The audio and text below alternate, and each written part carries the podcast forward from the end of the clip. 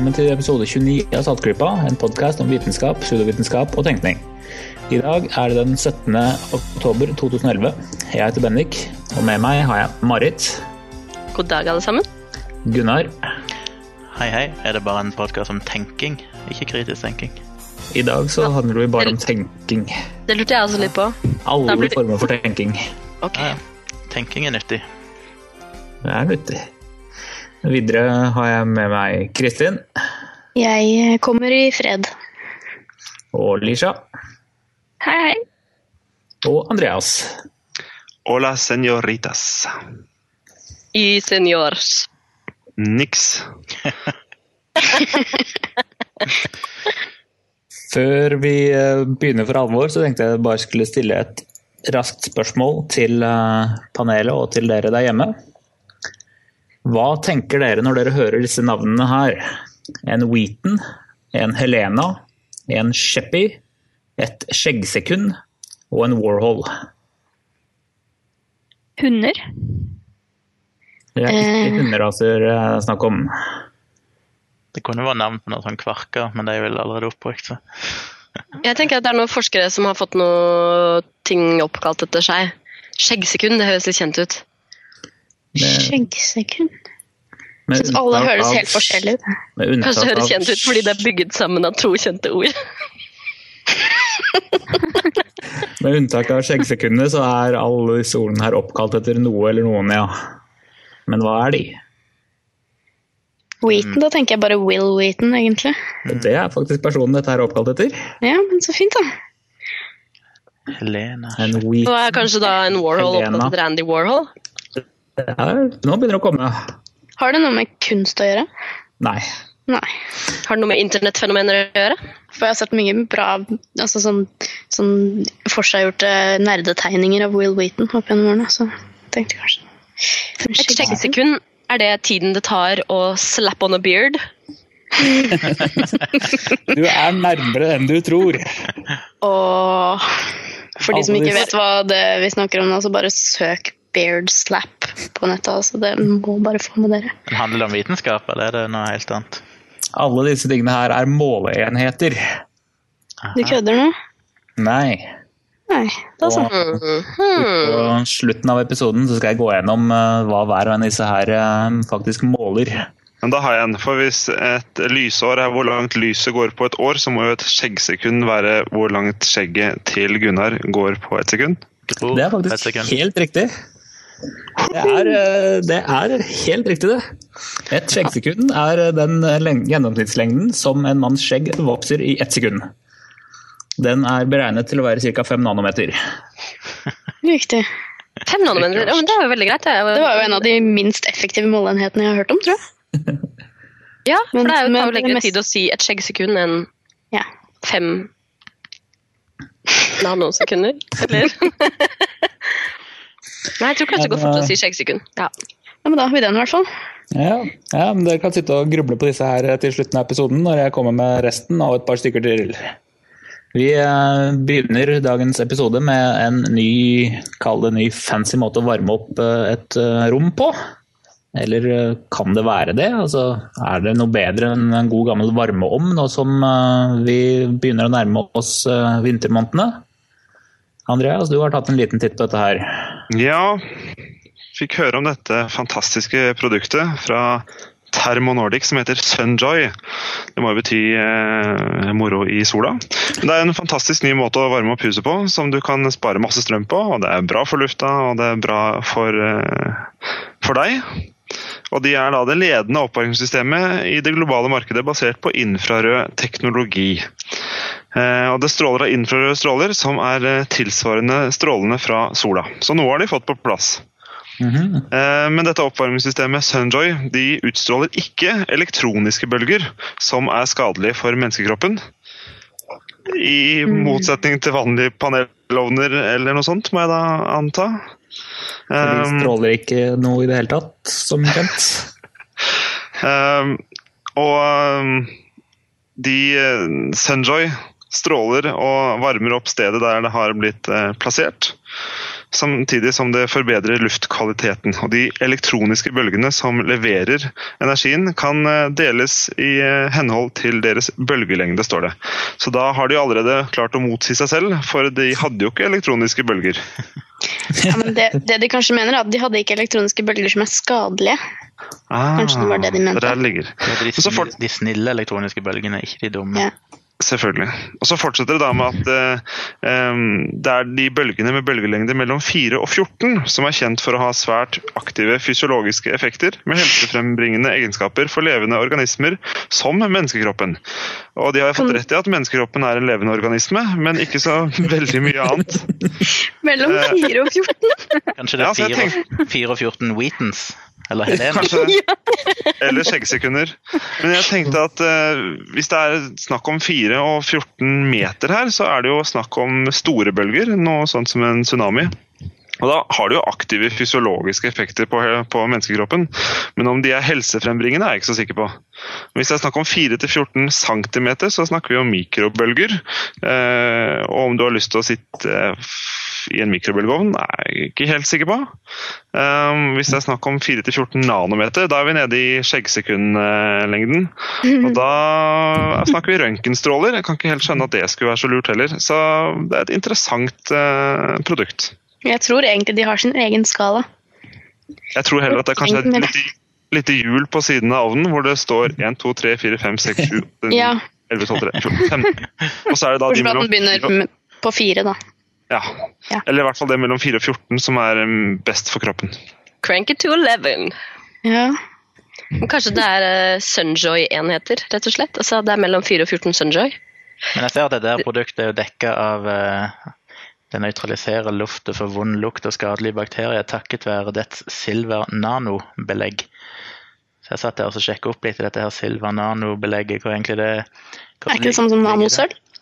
Jo, det er jo egentlig det samme som, i, som du får i sølvvann, da. I uh, kollodialt sølv. Eh, samme prinsippet, at det er bakteriedrepende. Så, som folk kanskje husker, så var det for et par år siden under svineinfluensaepidemien, så var det jo en del kjeltringer som ville ha oss til å kjøpe sølvvann og drikke det, istedenfor å vaksinere oss eller bruke andre effektive tiltak mot influensaviruset. Men eh, jeg måtte jo se på, på dette her sølvvannet, og på, på eh, Wikipedia så var det en litt interessant greie. For begrepet Silver Nano er egentlig et patentert eh, merkevarenavn, eller merkenavn, gjort av Samsung tilbake igjen i april 2003. Og De bruker de mange elektroniske produkter, både kjøleskap og kjøleanlegg og vaskemaskiner og forskjellig. Og de mente at dette her Silver Nano-greiene som de har f.eks. i vaskemaskiner, er ekstremt effektive. For det, det, det desinfiserer tøyet du har i, så du kan vaske det på en mye lavere varme enn det du normalt må gjøre for å drepe bakterier, og dermed så sparer du masse strøm. Det interessante var jo det at de sørkoreanske forbrukermyndighetene sjekka dette i 2005 og mente at Samsung overdrev disse påstandene veldig. For de viste da at vanlige vaskemaskiner drepte eller, eller fjerna 99,9% av alle bakterier bare med vanlig vask. Men da mente Samsung at eh, jo da, men de var veldig uenige i dette, her- denne konklusjonen da, til de sørkoreanske forbrukermyndighetene, for at deres produkter var fortsatt mye, mye bedre. For at de fjerna 99,999 av bakteriene, i motsetning til 99,9 til 99,99 som de andre produktene gjorde. Så derfor mente jeg at det var et Veldig- overlegent produkt. Så det jo Men jeg kan, jeg kan også bare bemerke, hvis du er bekymret for at de skal bli saksøkt av Samsung her, så ifølge den nettsiden som jeg har foran meg nå, så er det ikke Silver Nano, Gunnar. Det er Sliver Nano. Jeg så de skrev begge deler. Og i tillegg, så, I tillegg så har de da beskrevet under hvordan dette produktet fungerer, så står det at det er en inn, I tillegg til silver nanosubstans, eller sliver, så har de da anionsubstans også i overflaten, og de har infrarød substans i overflaten, som er ganske imponerende. Og det er også da aluminiumflamme. Det syns jeg var interessant.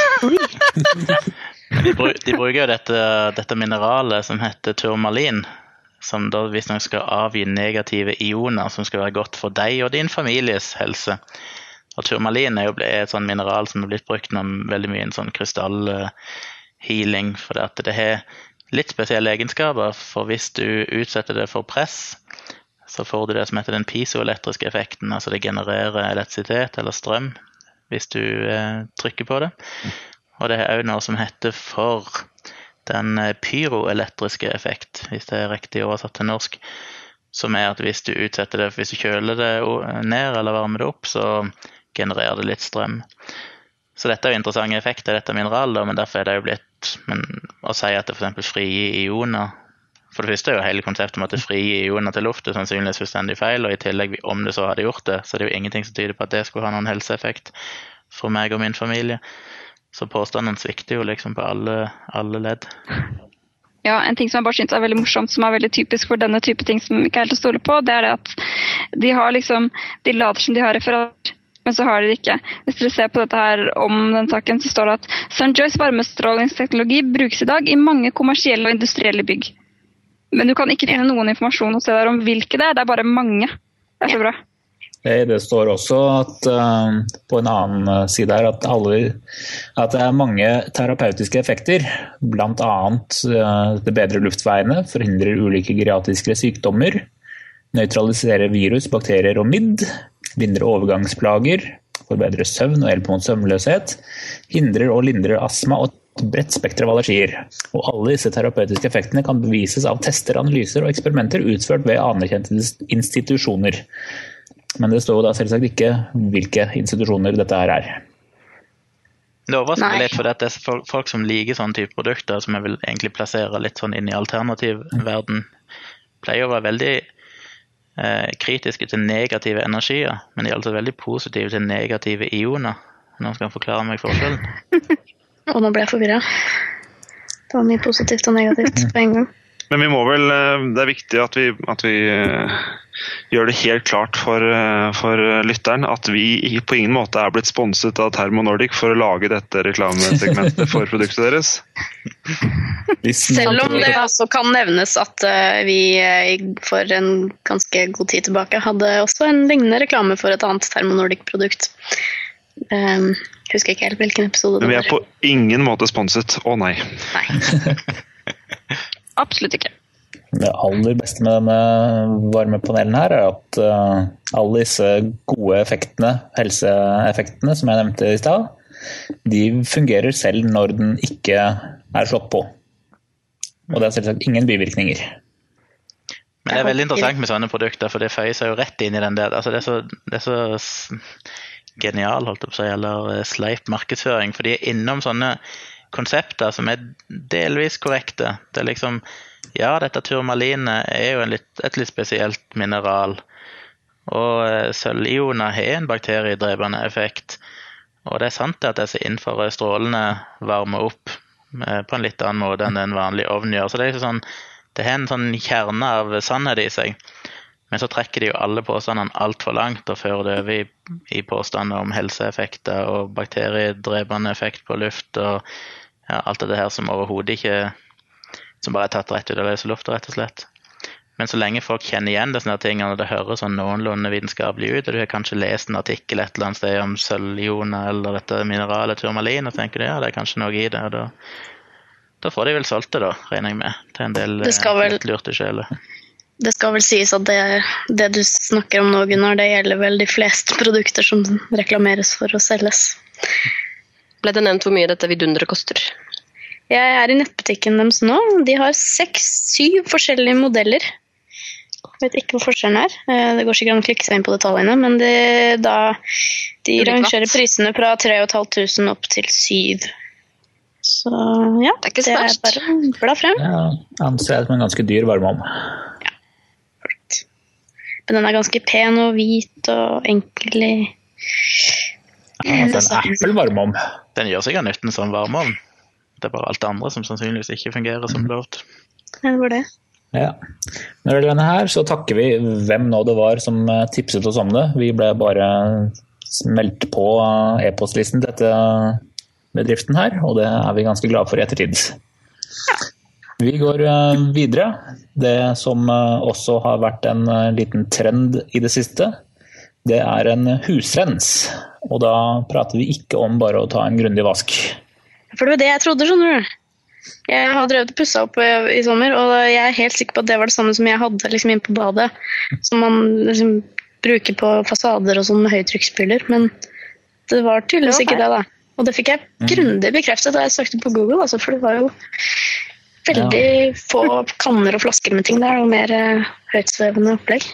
Ja, Husrens det er noe helt annet, Lisha. Ja, husrens, det er eh, Altså, jeg må si det først og fremst. Jeg har mitt opphav i distriktene, og jeg er i prinsippet for nye næringsveier og sånt som kan skape aktivitet i Distrikt-Norge. Eh, Men jeg kan allikevel ikke stille meg helt bak dette her. Altså, eh, I Gudbrandsdalen så er det blitt tydeligvis vanlig med husrens, som da som Kristin sa ikke har noe med grønnsopp å gjøre. Men eh, det handler om at eh, det er tydeligvis mange som har problemer med at det er eh, Ja, hva er det? Ting som stjeler energien. En spesiell kulde. Det er merkelige ting i huset som da klarsynte, eller hva de nå kaller seg, tar på seg å drive ut. Og en av disse karene som ble intervjuet på nrk.no, han har så mye å gjøre at han har skaffet seg lærlinger som kan eh, ta over dette her da, etter hvert eh, og hjelpe disse kanskje gudbrandsdølene med sine urene hus. Så dette her er det faktisk en del penger i, ser det ut til. Det, Blir det, Ja, blir det rent, da? ja, de påstår jo det, da. En dame som er intervjuet i denne artikkelen, hun sier jo at det ble en bedring etter at de hadde vært der. Ja. Sier hun noe om hva som ble bedre? Eller hvor mye?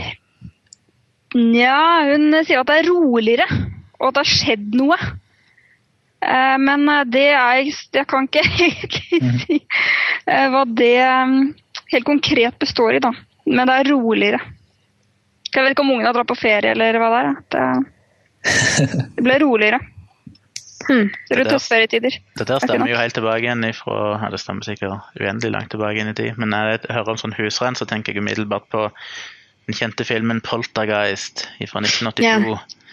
Ja. Med hun der lille dama som kommer inn og sier 'This house is clean' etter hun renser det. Så ja, det, det fungerte jo vel kanskje ikke så godt i den filmen, så vidt jeg husker. Ikke veldig. Men Der fikk vi jo det grundig dokumentert da, i den filmen, at det var noe der. Ja, det var det. Ja, der var Det skal jo undersøkes. understrekes. Og hvis det er sånn de har det, disse folkene i Gudbrandsdalen, så skjønner jeg godt at de prøver alle metoder. Ja, bevare meg vel. Ja, det var jo en sånn barnehage òg, stemmer det. Det var jo også en stund siden. Hvor de bestilte eksorsist eller sånn til en barnehage. Lalm barnehage. Lalm var det. Oppvekstsenter. Kaffekopper og sånn. Som fløy veggimellom. Men jeg har vært med på hus, husrens, jeg. Ikke bare, ikke bare med grønnsåpe, men av den Oh. typen vi snakker om nå. Det oh, kan anbefales. Det er spennende, det. Nei, jeg vet ikke hvor mye, hvor mye jeg skal fortelle, men, eh, men det som er veldig kjekt, er at du samtidig får en, en, en, eh, en ganske god analyse av, eh, av byggeskikk og rominndeling og sånn. For det er klart, du kan jo lese Man kan jo lese mye ut av et hus bare ved å åpne øynene. Um, så utsagn som at uh, her har det bodd noen før. Dette rommet var egentlig, dette rommet var egentlig to rom. Um, ja, sånne type ting kan jo, kan jo kanskje overbevise noen. Uh, men det syns jeg, det synes jeg var veldig spennende. Og så ble det laget noen, uh, noen lys da, på veggen i gangen som uh, da renset huset. Hvor all, all skitten, da, kan vi si, uh, alle hybelkaninene og alt uh, støvet forsvant ut gjennom disse lyspunktene. Marit, du bor jo i et hus fra 1700-tallet. Fikk Jeppers. du det renset før du flyttet inn? Nopers. Nei, jeg har ikke merket noen ting eh, her, altså. Jeg regner med det er en del mennesker som er både født og dødd i dette huset her, tenker jeg. Eh, Så gammelt og skranglete som det er, og hele gården min er jo også gammel. Men, eh, men jeg må si at naboene mine, som bor i, som bor i et annet hus, det er riktignok der sier mor at hun har mottatt rapport fra begge barna om at de har sett en gammel dame som har lusket rundt i huset. Eh, og det er ikke hun eh, søte gamle damen som eier hele bygården og som bor i etasjen under dem. Det var ikke henne. Men uh, ja. Det er jo typisk at små barn kanskje vil snakke om Eller jeg vil ikke si at de finner på, men altså eh, fortelle om sånne opplevelser da, når de, når de bor i et sånt hus. Det er liksom typisk sånn spøkelseshus. altså Når jeg mister noe på gulvet, så vet jeg hvor jeg skal lete etter det, for det er så skrått her. Altså, hele huset holder på å synke sammen. Så eh, det har synes- sjel. Ja, det er jo sånn at jeg tror mange har, får sånne opplevelser. Jeg, jeg er så heldig å være fadder til en liten gutt som, dagen, eh, som jeg passa her om dagen. og da, da sto han i trappa og sa at det var en mann eh, eh, som var der, og, og ikke gå til mannen, eller et eller annet sånt. Eh, som, jeg, som jeg tenker at hvis folk søker en, en forklaring på det, så og det ikke er noen mann der, der eh, et barn peker, så kan jeg måtte forstå eh, at folk eh, At noen i hvert fall kommer til en annen konklusjon enn det, enn det kanskje vi gjør. da. Jeg tenker at det, Mange selv skeptikere kan jo møte situasjoner der de, eh, der de lett kunne blitt eh, overtroiske. Um, og at man må ta et steg tilbake og på en måte tenke over hva er det som egentlig har skjedd her. Her er det en, et barn som har sagt sånn og sånn, eller det kan jo for så vidt være en voksen for den saks skyld. Og så må man ta et skritt tilbake og tenke hvilke andre forklaringer finnes det på eh, et sånt utsagn. Men det er Når du sier det, når du sier det Andreas, at, eh, at uh, han du er fadder for, bare sier sånt, da må jeg bare si at uh, min og Bendik sin nese, når vi uh, tuller med henne, hvis vi liksom drar spøken altfor langt, og liksom hvis jeg later som at jeg er redd, eller et eller annet sånt, nå, så, så kommer hun bort til meg og klapper meg på hodet og sier det er bare tull. Det er bare tull. Så fint. Jeg har jo selv en datter, og jeg har jo opplevd det at jeg kom inn til henne på natta fordi at hun eh, kan være urolig eller grine. Og så har hun fortalt meg at eh, det var noen inne på rommet hennes. Og det er klart at det er jo bare en drøm, men jeg, når du kommer inn i et mørkt rom og hun forteller det, så er det jo creepy, uansett hvor skeptisk en er. Mm. Som jeg bare si, I den forrige arbeidsplassen jeg jobba, så satt vi i lunsjpausen en gang og snakket om, om litt sånne eh, fenomen. Og han ene fyren, som jeg egentlig anser som en rasjonell oppegående fyr, fram til det tidspunktet der iallfall, han uh, mente det at det var helt klart at eh, hus hadde en form for energi, eller en slags sånn livsenergi. For det var jo bare å se på hus som var tomme, altså ubebodde, kontra hus der det bodde folk. Og de ubebodde husene de forfalt jo mye fortere enn de som da det bodde folk i. Det måtte jo bety at det at det bodde folk i husene ga liksom en slags energi til huset. da. Mens når det ble fraflytta, så forsvant denne livsenergien. Jeg tror jeg vet hva den energien heter. Heter uh, Drygolin eh, Beis, gjør den ikke det? Generelt vedlikehold og ja. Så først begynte jeg å le, for jeg tenkte at det her var en dårlig spøk. Eller egentlig en ganske god spøk, syns jeg. da. Helt fram til jeg skjønte at han faktisk mente dette seriøst. Så ja. Så det er mange måter å bevise den energien på. Bare, vi ler ikke av små barn som er skremte, altså. Uff a meg. Det er ikke morsomt. Men- Ja, vi, lever, vi lever ikke av voksne som er skremt heller. Nei, vi håper jo ikke det, egentlig. Det er lov til å bli skremt hvis man eh, ikke, Det er uansett lov til å bli skremt, men man kan gjerne ta et steg tilbake og, og tenke litt igjennom hvilke rasjonelle forklaringer som fins. Nettopp. Speaking of rasjonell versus irrasjonell. Det som har vært på manges eh, tanker og lepper i eh, høst i Norge og i hele sommer på verdensbasis, det er kvinner og feminisme. Det Yay! har uh, Marit tenkt å begynne oss eh, på litt nå. Ja, hvor skal jeg begynne? Det er jo altså Hei, hei. Vi, hei, vi er her. Vi er jenter. Vi er ca. halvparten av alle. Mm. Uh, Og uh, ja I det siste så har det dukket opp en debatt i eh, offentlige Norge. eh, stort sett utløst egentlig av en kronikk av Torgrim Eggen som var på trykk i eh, VG for noen uker siden. Den var på trykk eh, 2. oktober. Som handler om at det ikke er så lett å være kvinne i norsk offentlighet. Rett og slett At kvinner terroriseres og hetses hvis de ytrer egne meninger. Og det er jo ikke noe som er sånn at hvis jeg går på TV, så kommer det noen og kaster tomater på skjermen, liksom. Men, men det er litt sånn subtil greie som også kan være ganske eksplisitt noen ganger, og det kan være ganske ubehagelig. Noe av det Torgrim Eggen nevner i sin kronikk, er at eh, når kvinner deltar i offentlig debatt, så er det en forskjell til eh, hvordan det er å være mann i sånne debatter. Fordi kvinner som eh, sier noe dumt, de får skjellsord slengt etter seg som alltid, eller ofte, handler om at de er kvinner. At de er liksom idiotiske kjerringer eller fitter eller uh, Unnskyld å si språket. Mange stygge ord som har med kvinner å gjøre. Og hvis en mann sier noe dumt, så får han bare til uh, da blir han bare skjelt ut som at han er en idiot. Sånn at uh, når kvinner um, ytrer seg, så, så, så kommer responsen på en litt annen måte. Da. Den handler mye oftere om kjønn enn det den gjør med menn. Og ikke bare det. Det er også det at eh, kvinner som ytrer seg i offentligheten, mye oftere får eh, både hatpost og eh, kjærlighetsbrev som er veldig seksualiserte og ekle.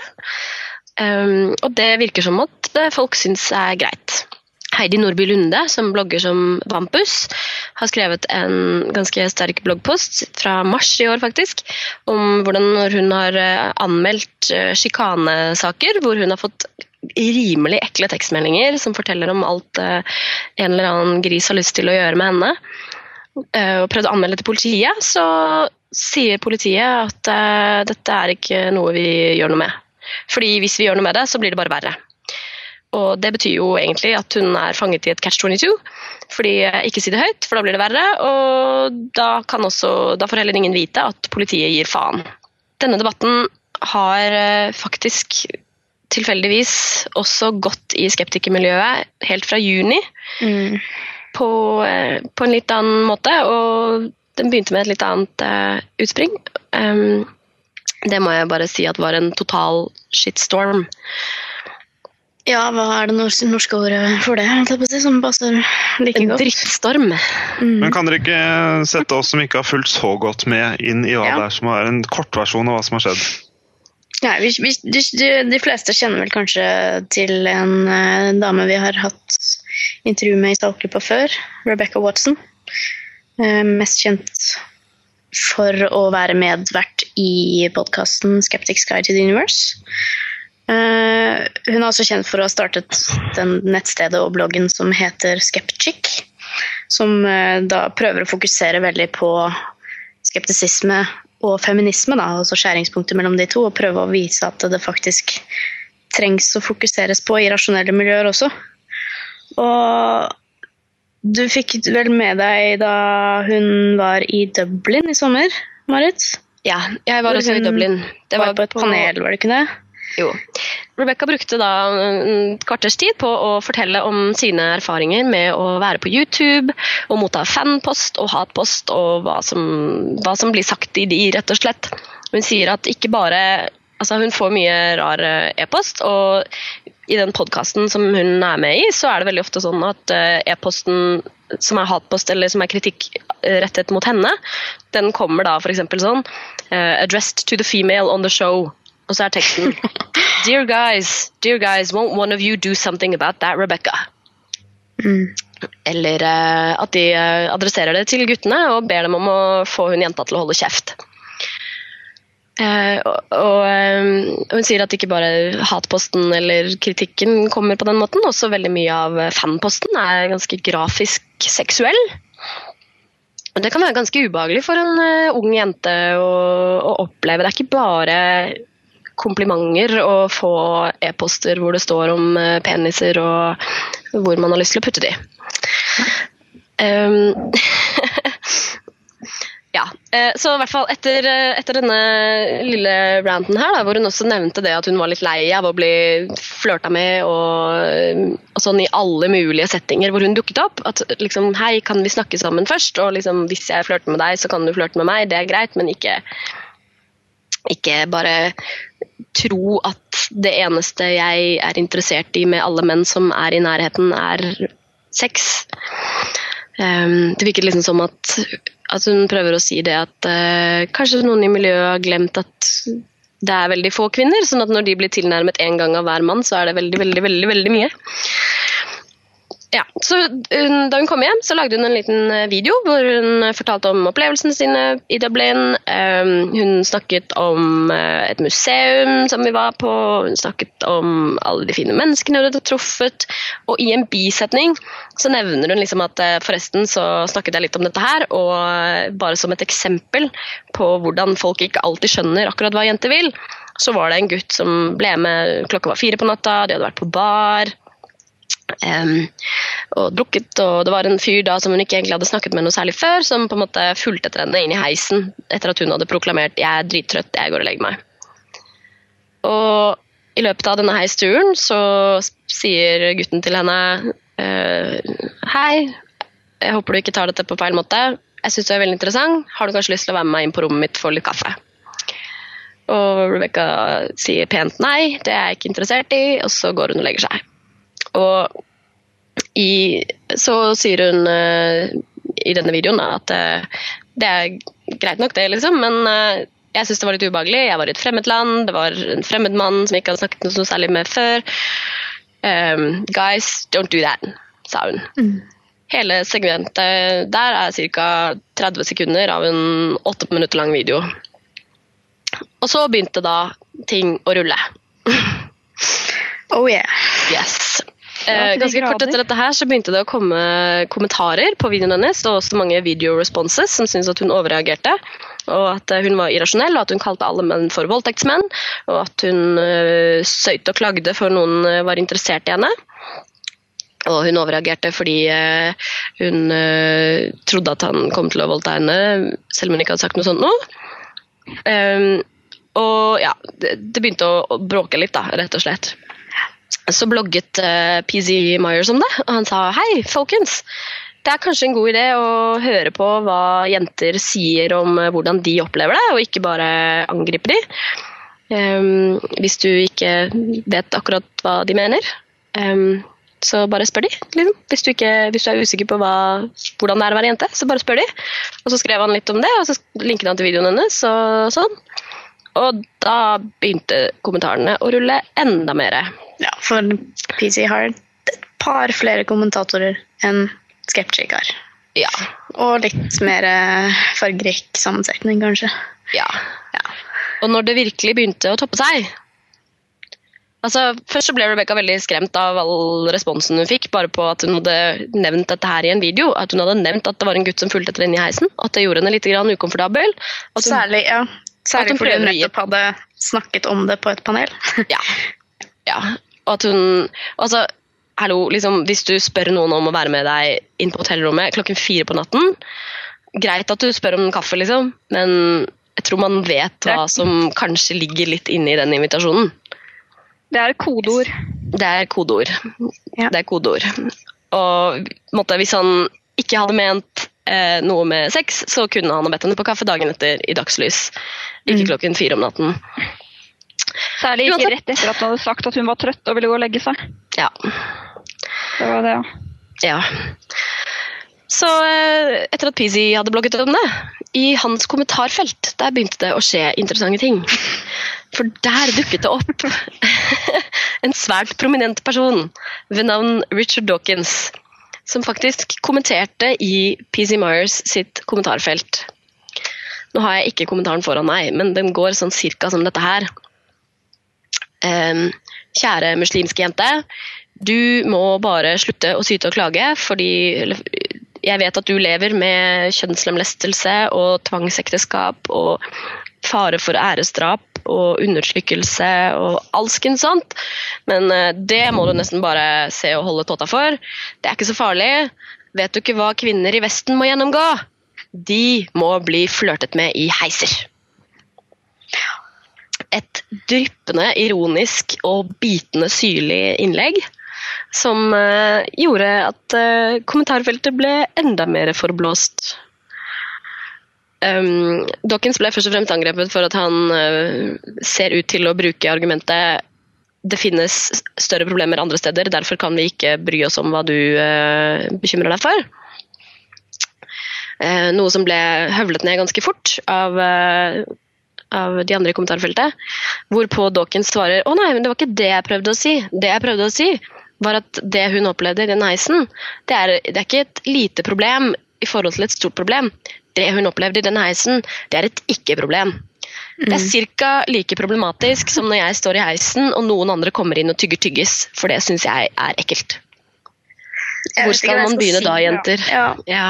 jeg vet ikke hva jeg skal si til sånt, det er fordi at uh, For det første så har Man misforstått hele fokuset med det som Rebecca prøvde å få frem, på en sånn veldig subtil og forbigående måte på de 30 sekundene i den YouTube-videoen hennes.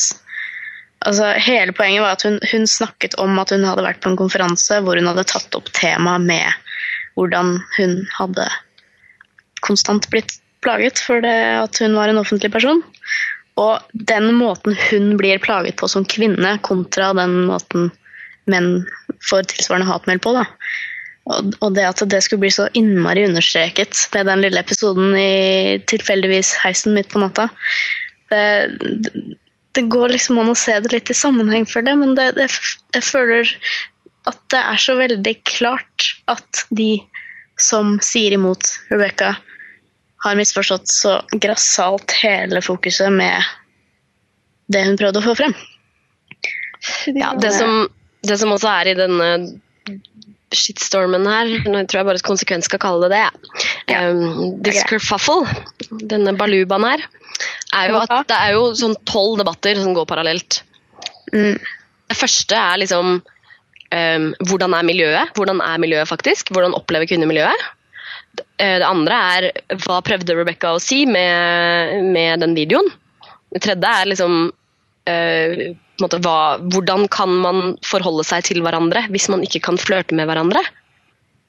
Noe som Ja. kanskje er en, det, er en, det er jo en avsporing, fordi det handler ikke om at man ikke skal flørte med hverandre, men det handler, med, handler om når man skal gjøre det, og hvordan man skal gjøre det. Og kanskje det å vente på hint fra motparten før man liksom stormer videre.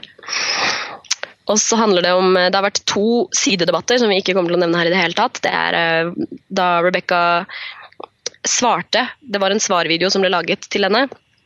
Rebecca svarte på den videoen fra podiet på en konferanse hvor hun visste at hun som hadde laget videoen, var. Det var kanskje litt ufint, litt sånn uskjeve Nei, unnskyld. Litt skjev um, fordeling av uh, makt der i det, i, den, uh, i det forholdet der. Mm. Det andre er at uh, Rebecca skrev et uh, ganske sint innlegg etter uh, Dawkins sine kommentarer, hvor hun sa at jeg boikotter bøkene hans, jeg er ikke interessert i å lese de lenger og gi de i presang til vennene mine lenger. Og eh, det var det mange som sa ah, men det er irrasjonelt å boikotte han bare fordi han sa en dum ting i ett felt, så er han ikke dum i alle andre felt. Men ja, vi lar de debattene der ligge. Det var jo et innlegg som kom nå i slutten av forrige måned på Skeptic, som hun også skrev, Rebecca. Eh, hvor hun da rett og slett begynte med en advarsel at eh, ok, dette her er bare en eh, lang rambling. Altså det, bare det, det heter altså 'Mamma, ikke les dette', heter det innlegget. Og det er rett og slett bare en oppsummering av de siste vanvittige reaksjonene og mailene hun har fått. Altså, det er helt vanvittig hvordan hun blir så systematisk behandla på av alt fra liksom kvinner, da, andre kvinner faktisk, til, eh, til disse vanlige hatmailene hun får. Så ja, vi- vi kan kanskje lenke til den, for den er jo ganske den er ganske heavy. Interessant. Mm. Jeg vil uh, komme med et poeng der som forbauser meg. Og ikke for å peke noen fingre i noen som helst retning. Men det overrasker meg stadig når hver gang det kommer opp en uh, sak som dette her inne i mediebildet med feminisme og kvinnesak, hvor mange faktiske kvinner som er anti imot dette her. Og Ja, det virker hvor- som en slags refleks, eller jeg vet ikke. Jeg kjenner jo ikke de, men eh, Og jeg klarer ikke forklare den i mitt verdensbilde. For dette er jo da kvinner som aktivt stemmer imot og går imot sin egen eh, beste Ja, sin egen Ja. eh, beste situasjon. Det er jo som sagt før her at det er jo sånn man refleksivt reagerer når man selv mener man har det veldig bra selv, og man er privilegert, da, som det, som det jo kalles. Det var en av de beste blogginnleggtitlene som kom fra debatten, syns jeg. Um, jeg husker ikke var som hadde den, men tittelen var iallfall 'Mr. Dawkins, your privilege is showing'. Mm. ja. Ja, det er virkelig sant. Men eh, hva syns dere, jenter? Åssen er miljøet i Norge? Skeptikermiljøet? Er det misogynistisk og sexistisk og eh, Altså nå hvis Hvor jeg skal mange ja. eh, seksuelle tilnærmelser, bryllupsinvitasjoner og hatbrev med trusler om voldtekt har dere fått siden dere ble panelmedlemmer her? Jeg har uh, altfor lite berømmelse eh, så langt til å ha en sånn liten samling i innboksen min. Det må jeg innrømme.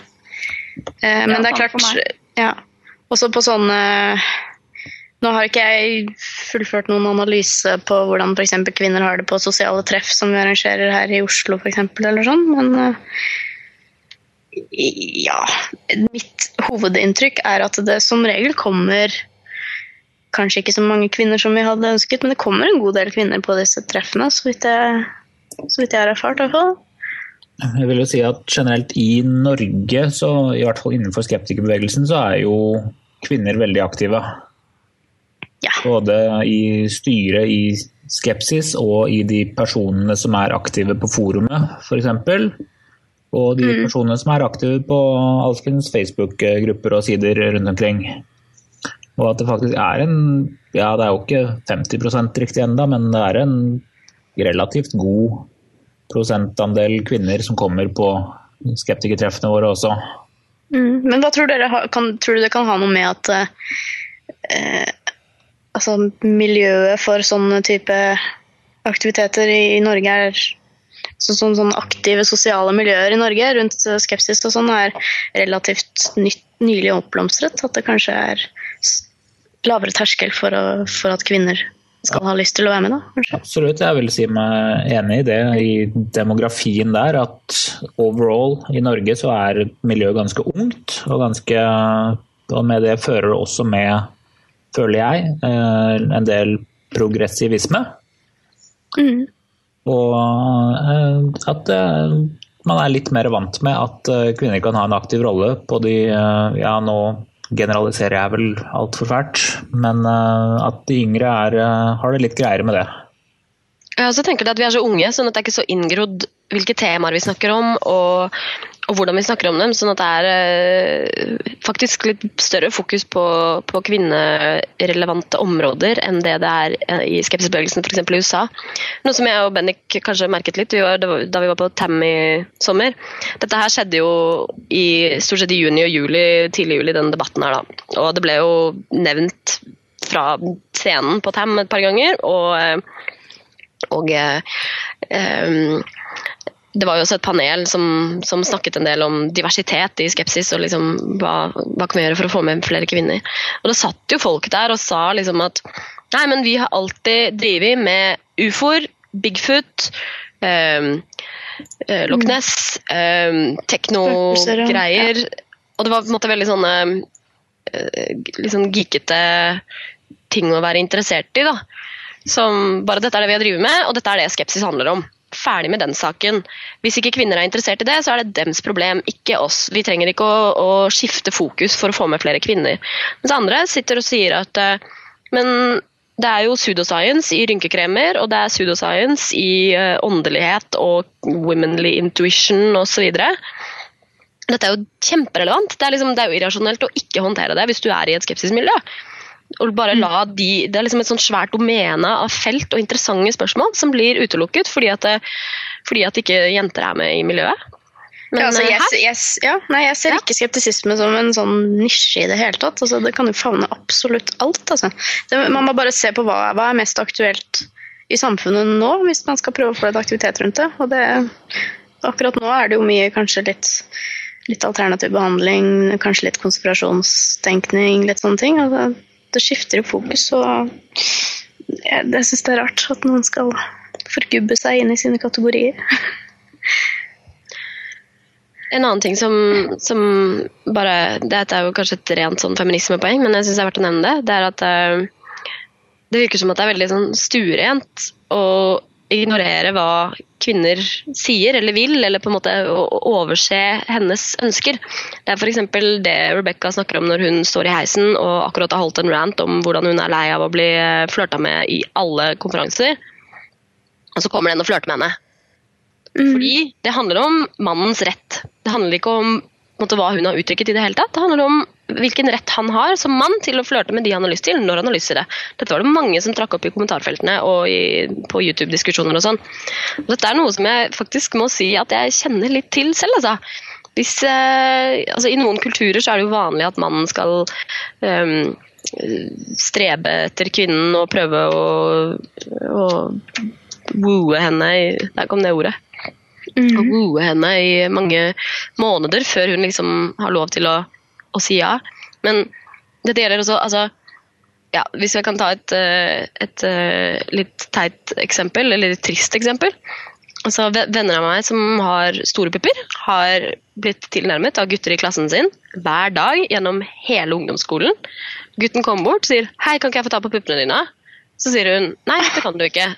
Det liker jeg ikke. Slutt. Og så dagen etter så kommer hun tilbake 'hei, kan ikke jeg få ta på puppene dine?' Så sier hun 'nei, drit i det'. Så dagen etter kommer han tilbake 'hei, kan ikke jeg få ta på puppene dine?' Og sånn går leksa. Og på en måte, det er ikke noe det, det verste er ikke det at liksom han fortsetter, det verste er det at jenta er så inn, det er så inngrodd i henne at sånn er gutter, og dette er bare en, en, en greie som jeg er nødt til å godta. Dette er bare en greie jeg er nødt til å godta, fordi sånn er verden. Han trenger ikke å høre på mine ønsker og mine grenser og mine eh, ja, mine ideer om, om hvem jeg er og hva jeg kommuniserer. Fordi det er hans rett. Og det er ikke bra. Ja, det, det er nok noe de fleste kvinner har opplevd, tror jeg. Bare på om så en helt uskyldig måte at hvis en mann vil snakke med deg, og du snakker med han, så trumfer alltid hans ønske ditt. Mm. Og det slår dem ofte ikke engang at det kan være på noen annen måte. Mm. Det er veldig pussig. Det er noe i tankegangen hos eh, veldig mange menn der som gjør at eh, Men jeg vil jo prate med deg, jeg vil jo sitte her ved siden av deg, jeg vil jo kjøpe en ring til deg, jeg vil jo ditt og datt. Og at du ikke vil det, det er noe sånt som at uh, jenter de sier nei, men de mener ja. Vet du. Så egentlig så mener hun ikke det hun sier. Nei. Det Dette er bare en lek hun må det- ja. Ja, play hard to get, ikke sant. Men det, Mm. der, det, kan, det er som regel harmløst, men det kan jo eh, etter hvert, hvis det går for langt, eh, bli temmelig farlig for i hvert fall den ene parten. Mm. Det er jo også en av de store debattene som har gått i løpet av dette her, og som har vært ubehagelig å følge med på, og det er på en måte voldtekt. Hvor, hvor, eh, hvor nært forestående er det for jenter? Hvor irrasjonelt er det å ta forhåndsregler? Og på en måte hva Ja, hvor mye skal vi bekymre oss for, for det?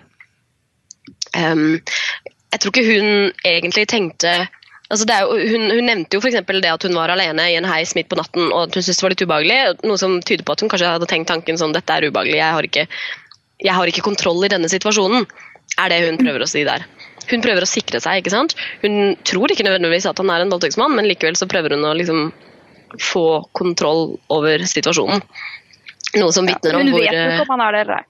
Nei, hun vet jo ikke det. Og det er litt sånn Det kommer jo argumenter sånn Ja, nei, men han kunne jo være en veskenapper. han kunne jo være en gal morder. Og det er på en måte ikke sånne tanker som streifer deg, ikke sant? Det er voldtektsmann.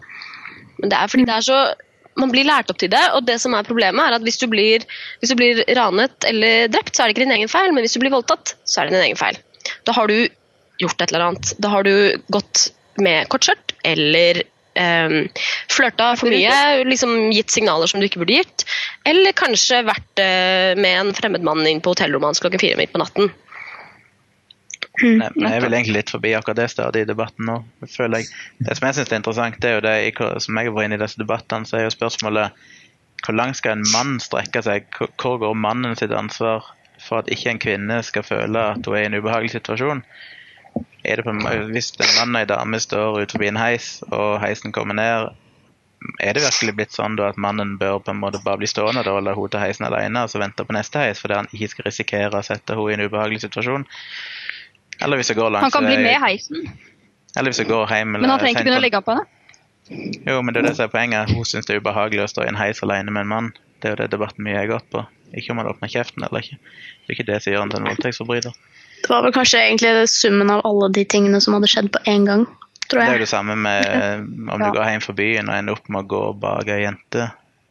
Skal du mm. som mann stoppe opp, og så ja, så liksom, hvor går ansvaret for at du alltid skal sørge for at damer ikke føler at det er ubehagelig? Og i hvor stor grad skal en gjøre dama til et forsvarsløst offer i en sånn situasjon? Er det liksom mannen sitt ansvar å alltid ta hensyn på den måten? det kan bli litt drøyt. Kan si kan, du kan trekke det så langt som å si at skal da mørkhuda mennesker slutte å gå ut på kvelden, for de kan jo gjøre folk redde. For det er en irrasjonell frykt i at alle mørkhuda er farlige kriminelle. Skal han trekke det så langt? Men kan jeg si en ting om det der, Gunnar? Som går på hva jeg tror hun Jeg tror hun Rebecca faktisk mente det. Jeg, jeg nå, tror nesten hun mente å være hjelpsom. spesifikt, nå snakker jeg mer om debatten Nei. generelt sett. Hvem sitt ansvar Ja, er. generelt, generelt sett. Det her har jo blitt til at eh, det er så uh, Det er farlig å være alene i en heis med en mann og sånn, og det er det jo ikke nødvendigvis. Men jeg vet ikke om du har lest den, eh, den artikkelen eller blogginnlegget 'Schrødingers Rapist'. Den er veldig interessant, og med en veldig interessant debatt som fulgte etter den også.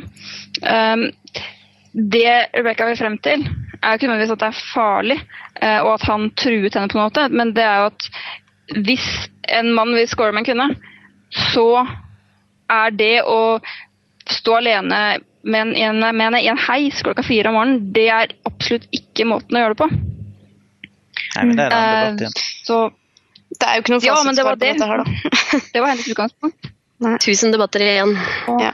Men jeg har litt lyst til å nevne litt sånn, ja, litt sånn avslutningsvis. Eh, altså, hvis det er noen som hører på som kanskje har, har opplevd noe sånt i, i sånne miljøer, altså kanskje har eller lagt merke til at andre har behandlet, blitt behandlet litt urettferdig som kvinner da, i skepsismiljøer eller i andre typer sånne miljøer. Jeg vet ikke, kanskje hvis, hvis det er noen som hører på som har opplevd noe sånt, eller har noen innspill i debatten i det hele tatt, egentlig, så vi kan jo høre fra dere det, om det. Jeg tror jo vi har styrke her i, i Norge så er vi en styrke nettopp i det at ja, f.eks. Saltklypa så er vi jo faktisk tre jenter som er relativt profilert som Ja. skeptikere. Og Kritisk masse ble arrangert og leda i stor grad av jenter, og Skepsis er kvinnelig for kvinner. Titt hei! liksom Merket du en fellesnevne med de tre tingene du akkurat sa nå, eller? Marit.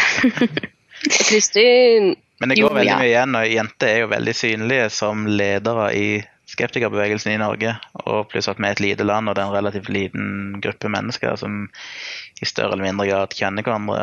Så, så jeg tror nok det er mye vanskeligere for at ubehagelige ting skal skje her, enn det er i litt større sammenhenger og i et, i et miljø som er sprunget ut av et mannsdominert, eh, kanskje litt akademisk miljø.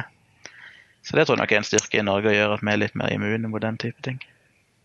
Og også det som noen sa før, er at uh, norske skeptikermiljøet er såpass ungt at vi har på en måte ikke sementert noen kultur ennå. At sånn gjør vi det her. Mens uh, vi er litt mer åpne for at uh, ja, vi gjør ting sånn som vi vil gjøre dem. Det er ikke noen riktig eller feil måte nødvendigvis som har satt seg i miljøet. Det var jo bare for å avslutte med en vits. Da vi var på Tam, så var det jo naturligvis mye Folk var litt bekymra for at dette her skulle sette en demper på hele stemningen. Og at folk ikke skulle tørre å flørte med hverandre sånn som de pleier. Eller at de ikke skulle tørre å ha sosial omgang mellom kjønnene, rett og slett. Eh, og ikke minst var de veldig bekymret for hva som skulle skje når man havnet i heis. Eh, den, hele denne greia her har jo blitt hetende Elevator Gate, hvis du trenger noe å google. Så relativt ofte, hvis vi var eh, mer enn to-tre mennesker i en heis, det var vi jo ganske ofte, vi var jo 1600 mennesker inne på et hotell, så var det, så var det en eller annen eh, fjomp da, som ropte Anybody wanna go for coffee? Jeg må- jo få lov å bare føye inn eh, den fantastiske stripa nummer 385 av XKCD som heter How It Works. Som er bilde av eh, to personer som står framfor ei tavle, og han ene løser et matteregnestykke på tavla, og tydeligvis får det feil. Så sier han andre 'wow, you suck at math'. Så kommer nøyaktig det samme bildet, bare at det er det jenter som skal løse dette regnestykket, og da gjør det feil, og han andre sier 'wow, girls suck at math'. Mhm. Som egentlig er veldig typisk. Veldig, veldig typisk. Veldig beskrivende. Ja. Skal vi uh, la Vi- den ligge videre? ja, vi setter en eh, strek for denne høyst interessante praten her ellers. Vi oppfordrer alle våre lyttere til å komme med tilbakemeldinger og kommentarer. Jeg gleder meg allerede. Enten gjerne på saltklypa.no eller på vår Facebook-side. Eller så kan dere komme og bli med på diskusjonen en gang på neste Skeptikere på puben. Det var, det var det jeg har litt lyst til å Jeg får litt vondt av at jeg har lyst til å si 'kom og flørt med oss på skeptikertreff'. Og sånn er verden nå. Altså at Selv om jeg sitter og klager over dette her, så har jeg lyst til å si 'kom og flørt', ha-ha-ha. Dette er morsomt, dette er et lett og fornøyelig tema. Så kom og snakk med oss. Vi har en oppfølging fra forrige episode når vi pratet eh, om og med Richard Wiseman, forfatteren av boken 'Paranormality', som vi liker veldig godt. Den har vi gleden av å meddele at eh, kommer på norsk ca. i midten av februar til neste år. Det kan vi glede oss eh, veldig til. Da kan jeg gi den til alle jeg kjenner i julegave. Litt forsinket julegave, vil jeg merke da. Ja, neste jul, da. Juligave. Juligave, ja. Juli, juli. Det Høres bra ut. Vi eh, skal som vanlig ha ukens anbefaling. Den eh, skal. Kristin stå for eh, denne uken. Ja, det er en veletablert webside, faktisk, som heter som, som etter hvert har fått navnet Zooniverse, altså zoo som i dyrehage. Eh, og den begynte sin eksistens som et prosjekt eh, som het for Galaxy Zoo den gangen, for lenge, lenge siden. Og det som er spesielt med den, eh, det prosjektet, er at eh, folk kan da hjelpe eh, forskere å analysere bilder av galakser. Og finne ut da er dette en galakse, hva slags galakse er det? Er det en eh, spiralgalakse? Er det en elliptisk galakse? Og har den eh, sånn eh, Er det en stangspiral? Altså masse forskjellige Eller er det bare en dings som kanskje bare er et anomali på bildet, f.eks.? Eller er det en stjerne? Sånne ting. Galaxy Zoo, den, det er Altså man har jo hørt om mange sånne prosjekter før som folk der hjemme kan hjelpe til med, som f.eks. SETI at Home, er det jo noe som heter. Eh, hvor man da hjalp til med prosessorkraft fra sin egen maskin, men som sto og rullet. Forskjellen mellom CT at Home og Zooniverse-prosjektet er jo at eh, dette er mer direkte frivillig eh, arbeidskraft.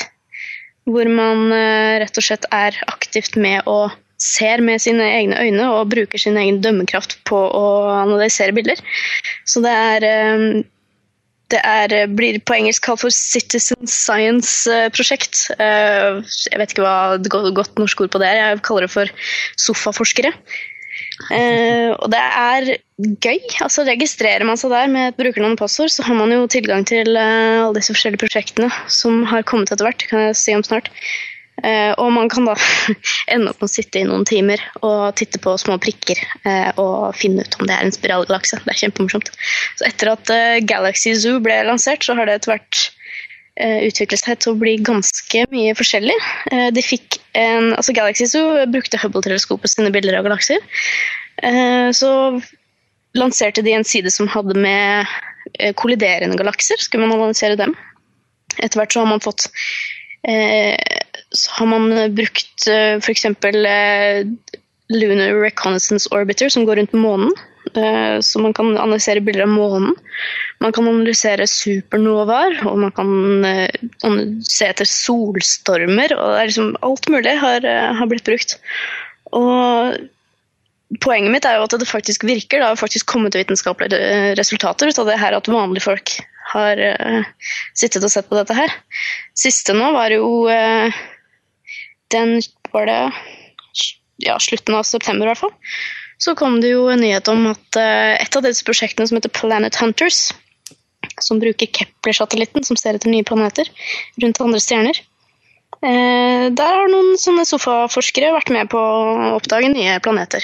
Sånne eksoplaneter. Så det er veldig kult. De får navnet sitt på paperet og hele pakka. Akkurat som andre forskere. Så hvis dere tør å ofre masse tid eh, foran datamaskinen mens dere ennå sitter der, så oppfordrer jeg alle til å registrere seg der og titte på morsomme bilder og analysere. For man føler seg litt sånn som en sånn ordentlig observasjonell astronom der man sitter. Så prøv den. Så dette her er muligheten til å bli, være astronom uten å måtte gjøre masse matte. Oh yeah, faktisk. Det høres Ikke det at matte ikke er morsomt. Men det kan man gjøre en annen gang. Yes, da anbefaler vi eh, zooniverse.org for denne uken her. Da gjenstår det bare for meg å fortelle panelet hva alle disse morsomme målenhetene jeg kom med på begynnelsen av eh, showet måler. Kan jo begynne øverst på listen med en Wheaton. Den var, som dere helt riktig gjettet dere fram til, basert på Will Wheaton. Eh, En Wheaton er en måleenhet som brukes til å måle hvor mange Twitter-følgere man har.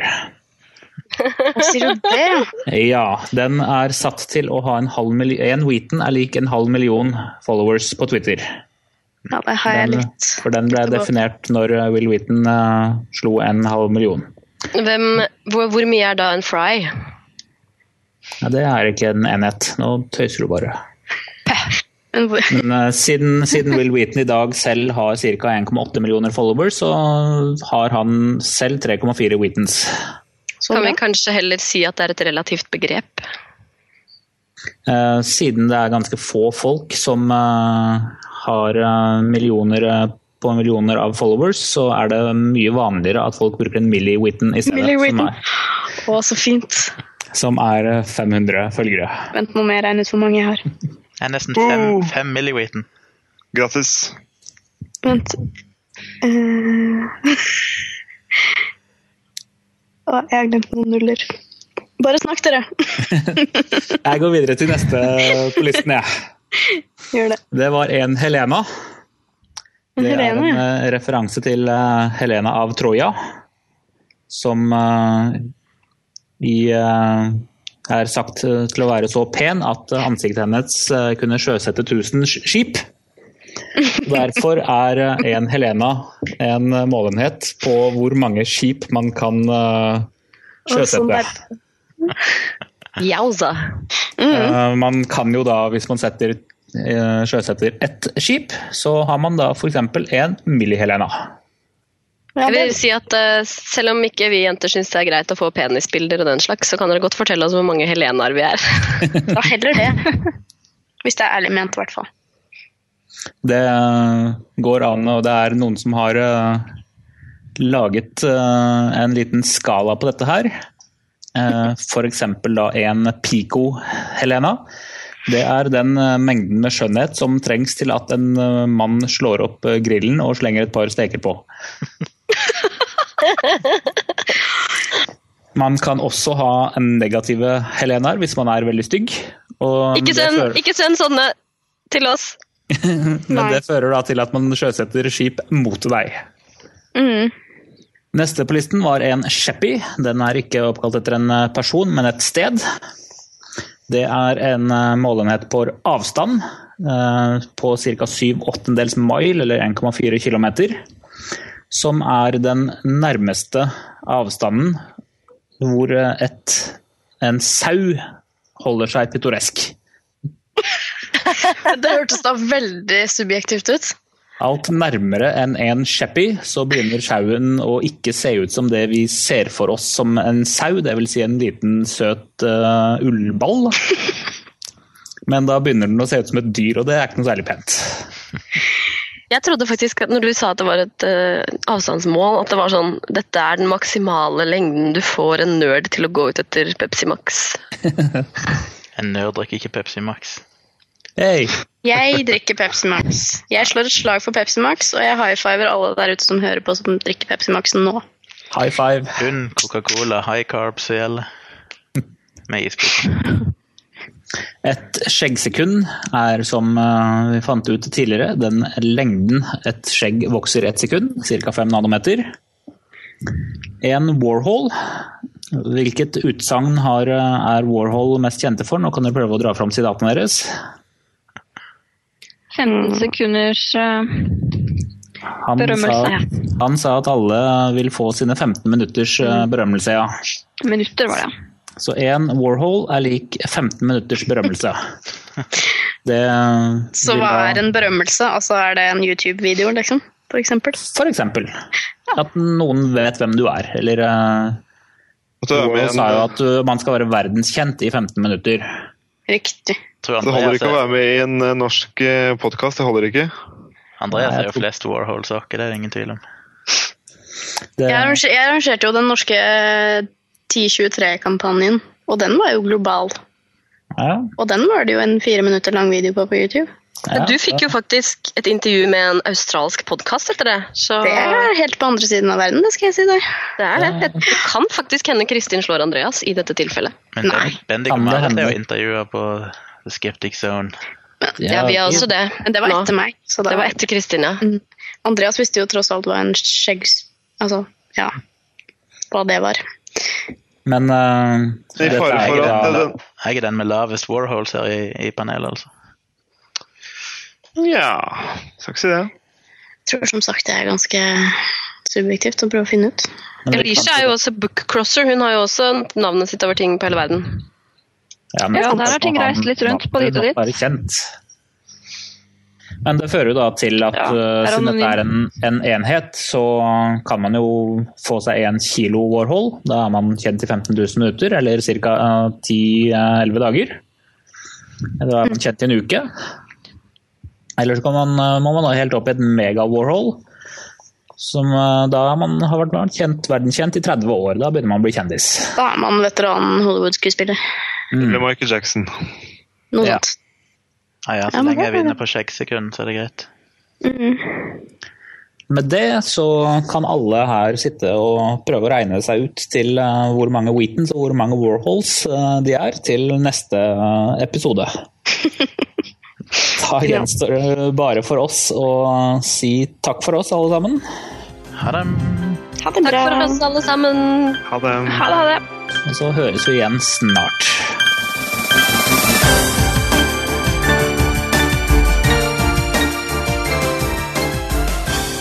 Saltklypa er en norsk podkast som tar for seg vitenskap og pseudovitenskap i samfunnet med et kritisk blikk. Podkasten produseres og drives på frivillig basis, helt uavhengig av noen organisasjon. Vi vil gjerne høre fra deg. Hvis du har spørsmål eller kommentarer, kan du sende oss en mail, legge inn en talebeskjed på Skype eller skrive en kommentar på vår nettside. Informasjon om dette, samt linker og notater til det vi snakker om, finner du på saltklypa.no. Denne episoden av Saltklypa ble spilt inn i en heis klokken fire om natten. Det ble ikke drukket kaffe.